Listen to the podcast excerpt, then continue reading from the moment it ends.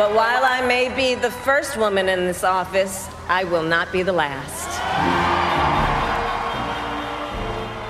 Etter et langt og kaotisk presidentvalg ble det til slutt klart.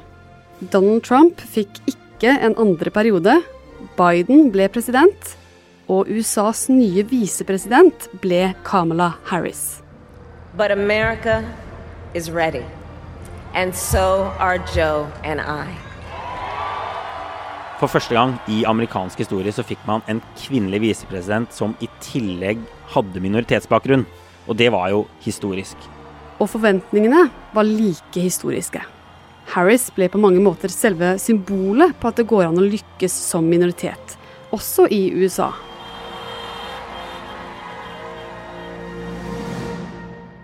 Men så snudde det.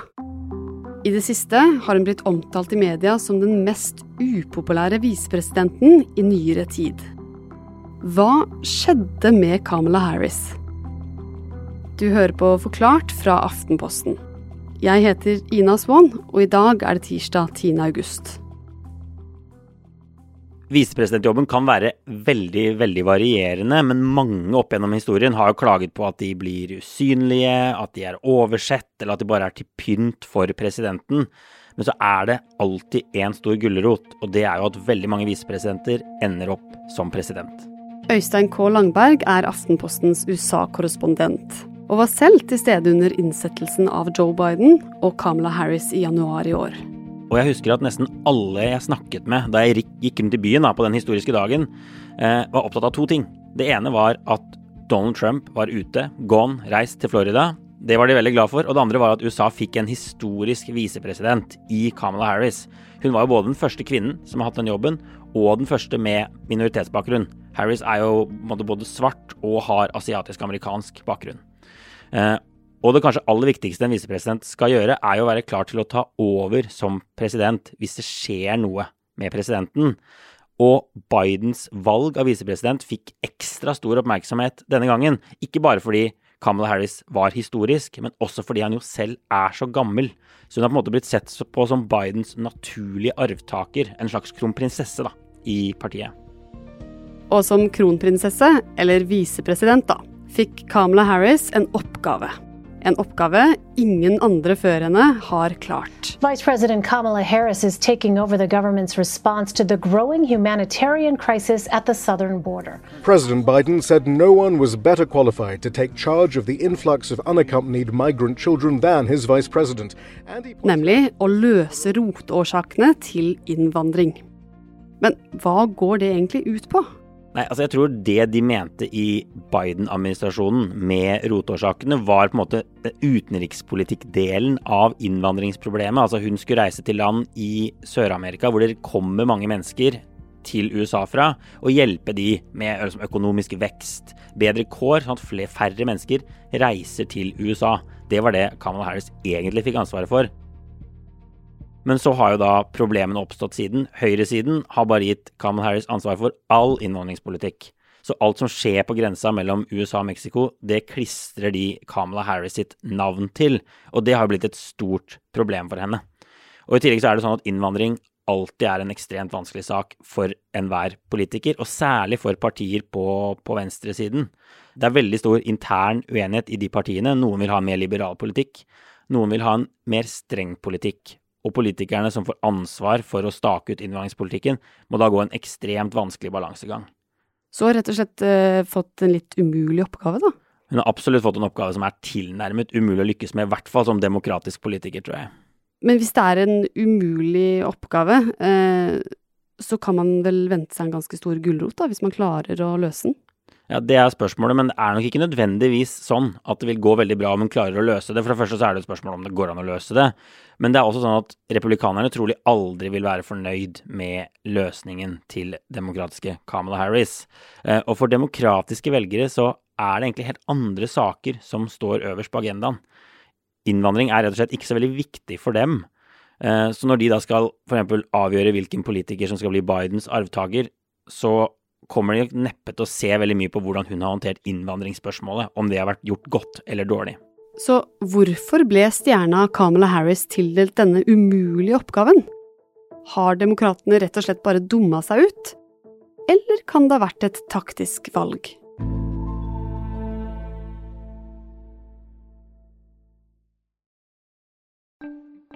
Etter å ha fått den nærmest umulige oppgaven om å løse roteårsakene til innvandring, så satte Kamala Harris i gang.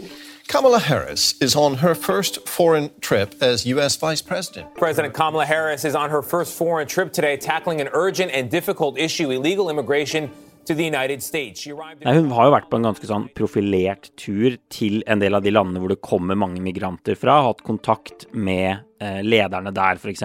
Så hun har jo fokusert på disse rotårsakene selv. Men så har høyresiden klart å presse henne på hvorfor har du ikke vært på grensen. Det begynte de å mase om nesten med en gang hun tok over jobben. Hvorfor har du ikke vært på grensen mellom USA og Mexico? We've been to the border. You haven't been to the border. I, and I haven't been to Europe.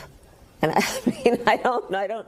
Og så har de vel delvis sagt at det er liksom ikke hennes jobb. Hun har ikke ansvar for all innvandringspolitikken, men har fortsatt å mase og mase om dette på Fox News og andre kanaler. Og til slutt så ga hun etter da og reiste ned på grensen, og da ble det sett på som en sånn stor seier for for denne høyresiden. Så hun har vært liksom på defensiven, i hvert fall sånn kommunikasjonsmessig, hele veien.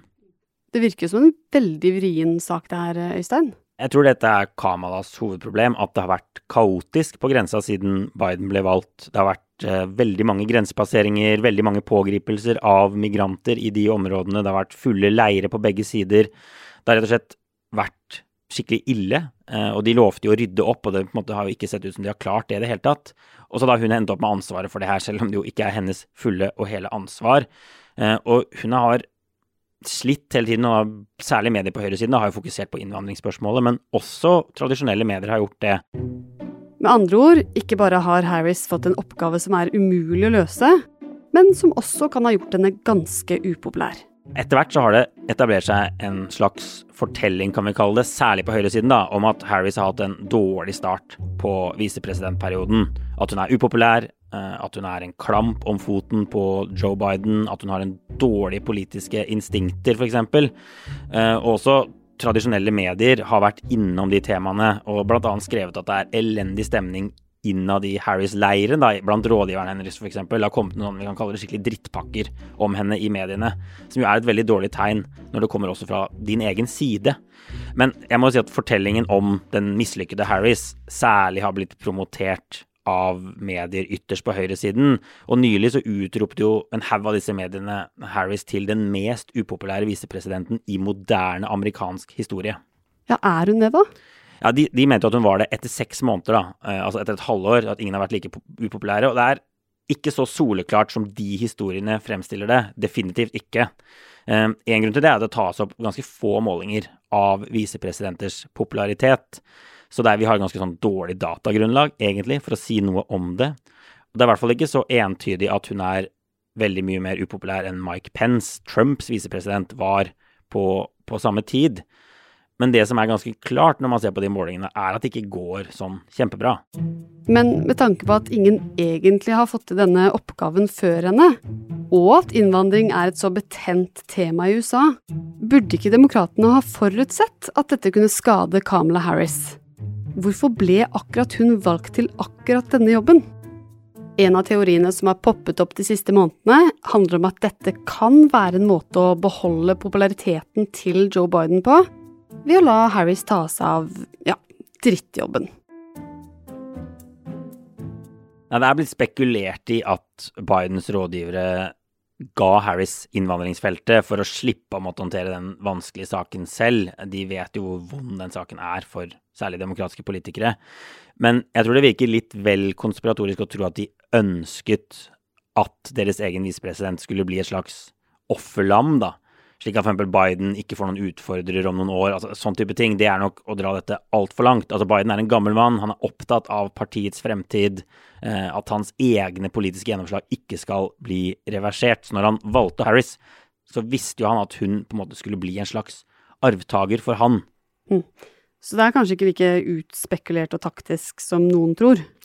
Nei, og Harris har jo selv vært opptatt av å ikke bli en sånn gallionsfigur. Hun har sagt at hun vil være, bli møkkete på hendene og ta ekte politiske saker. Og det er litt uklart om hun fikk denne innvandringsjobben tvunget på seg, eller om hun faktisk sa ja, den vil jeg gjerne ha for å, for å få en skikkelig utfordring. Men det er jo ingen tvil om at det har blitt begått noen taktiske tabber på veien her. Altså Noe skyldes dårlige uttalelser fra Harry selv, eller bare svak kommunikasjon fra henne, men noe skyldes også helt sikkert omstendighetene. Harris er minoritetskvinne. Hun har alltid vært en skyteskive for høyresiden. Og når hun da i tillegg fikk en av de sakene republikanerne er mest opptatt av i fanget, altså innvandring, så ble det jo en brennbar kombinasjon som Biden-administrasjonen kanskje burde skjønt at de skulle unngå. Det kan man i hvert fall si. Eh, det er jo påfallende å se hvor mye mer villige mange på høyresiden er til å angripe Harris enn mannen som jo til syvende og sist har ansvaret for alt som skjer i USA, altså Joe Biden, presidenten. Uansett hva som var grunnen til at Kamala Harris ble valgt til denne jobben, så har det ikke gått sånn kjempebra. Kan det på mange måter allerede være over for stjerneskuddet Harris? Bare litt over et halvt år etter at hun ble tatt i ed. Altså Slik ting har gått de første seks månedene, så er det mange demokrater, og helt sikkert mange rundt Biden også, som er liksom bekymret over utviklingen til visepresidenten. Og det vitner også alle nyhetssakene om. Men det er jo ikke sånn at alt håp er ute. Harris er ikke like populær som Biden, men hun er ikke sånn spesielt upopulær sammenlignet med andre nasjonale eh, politikere. F.eks. Trump var ikke spesielt populær som, som president, f.eks. Um, men det fremstår ikke lenger like selvsagt at hun er kvinnen som skal lede demokratene når Biden gir seg en gang. Men kan det snu? Kan hun klare å snu det? Ja, det kan hun absolutt. Harris er en garva politiker med tung erfaring. Blant annet har hun vært justisminister i California, en stat som er større enn de fleste europeiske land, og, og senator fra, fra samme stat. Og hun er jo en historisk visepresident, kvinne og minoritet, og det er jo ikke så rart om hun bruker litt tid på å finne seg til rette i den rollen, som på en måte ingen har hatt på samme måte før henne. Og så er det jo veldig, veldig mye som kan skje på noen måneder, det vet alle som følger USA, eh, og særlig på noen år. Ingen vet om Biden stiller igjen i 2024, ingen vet om Trump kommer og stiller igjen i 2024. Og så vet vi jo at veldig mange visepresidenter ender opp på det ovale kontor.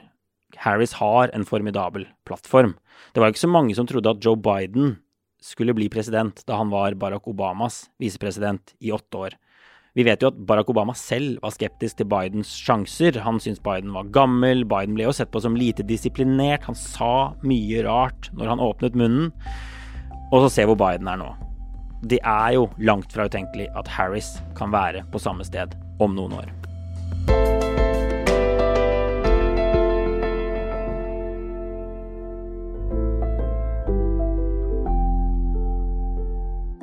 Denne episoden er laget av produsent David Vekoni og meg, Ina Svaan. Resten av Forklart er Marit Erikstad Gjelland, Anne Lindholm, Fride Nesten Onsdag, Peter Daatland og Guri Leil Skedsmo. Du har hørt lyd fra AP, NBC, VGTV, CBS News, Al Jazeera og Deutsche Welle.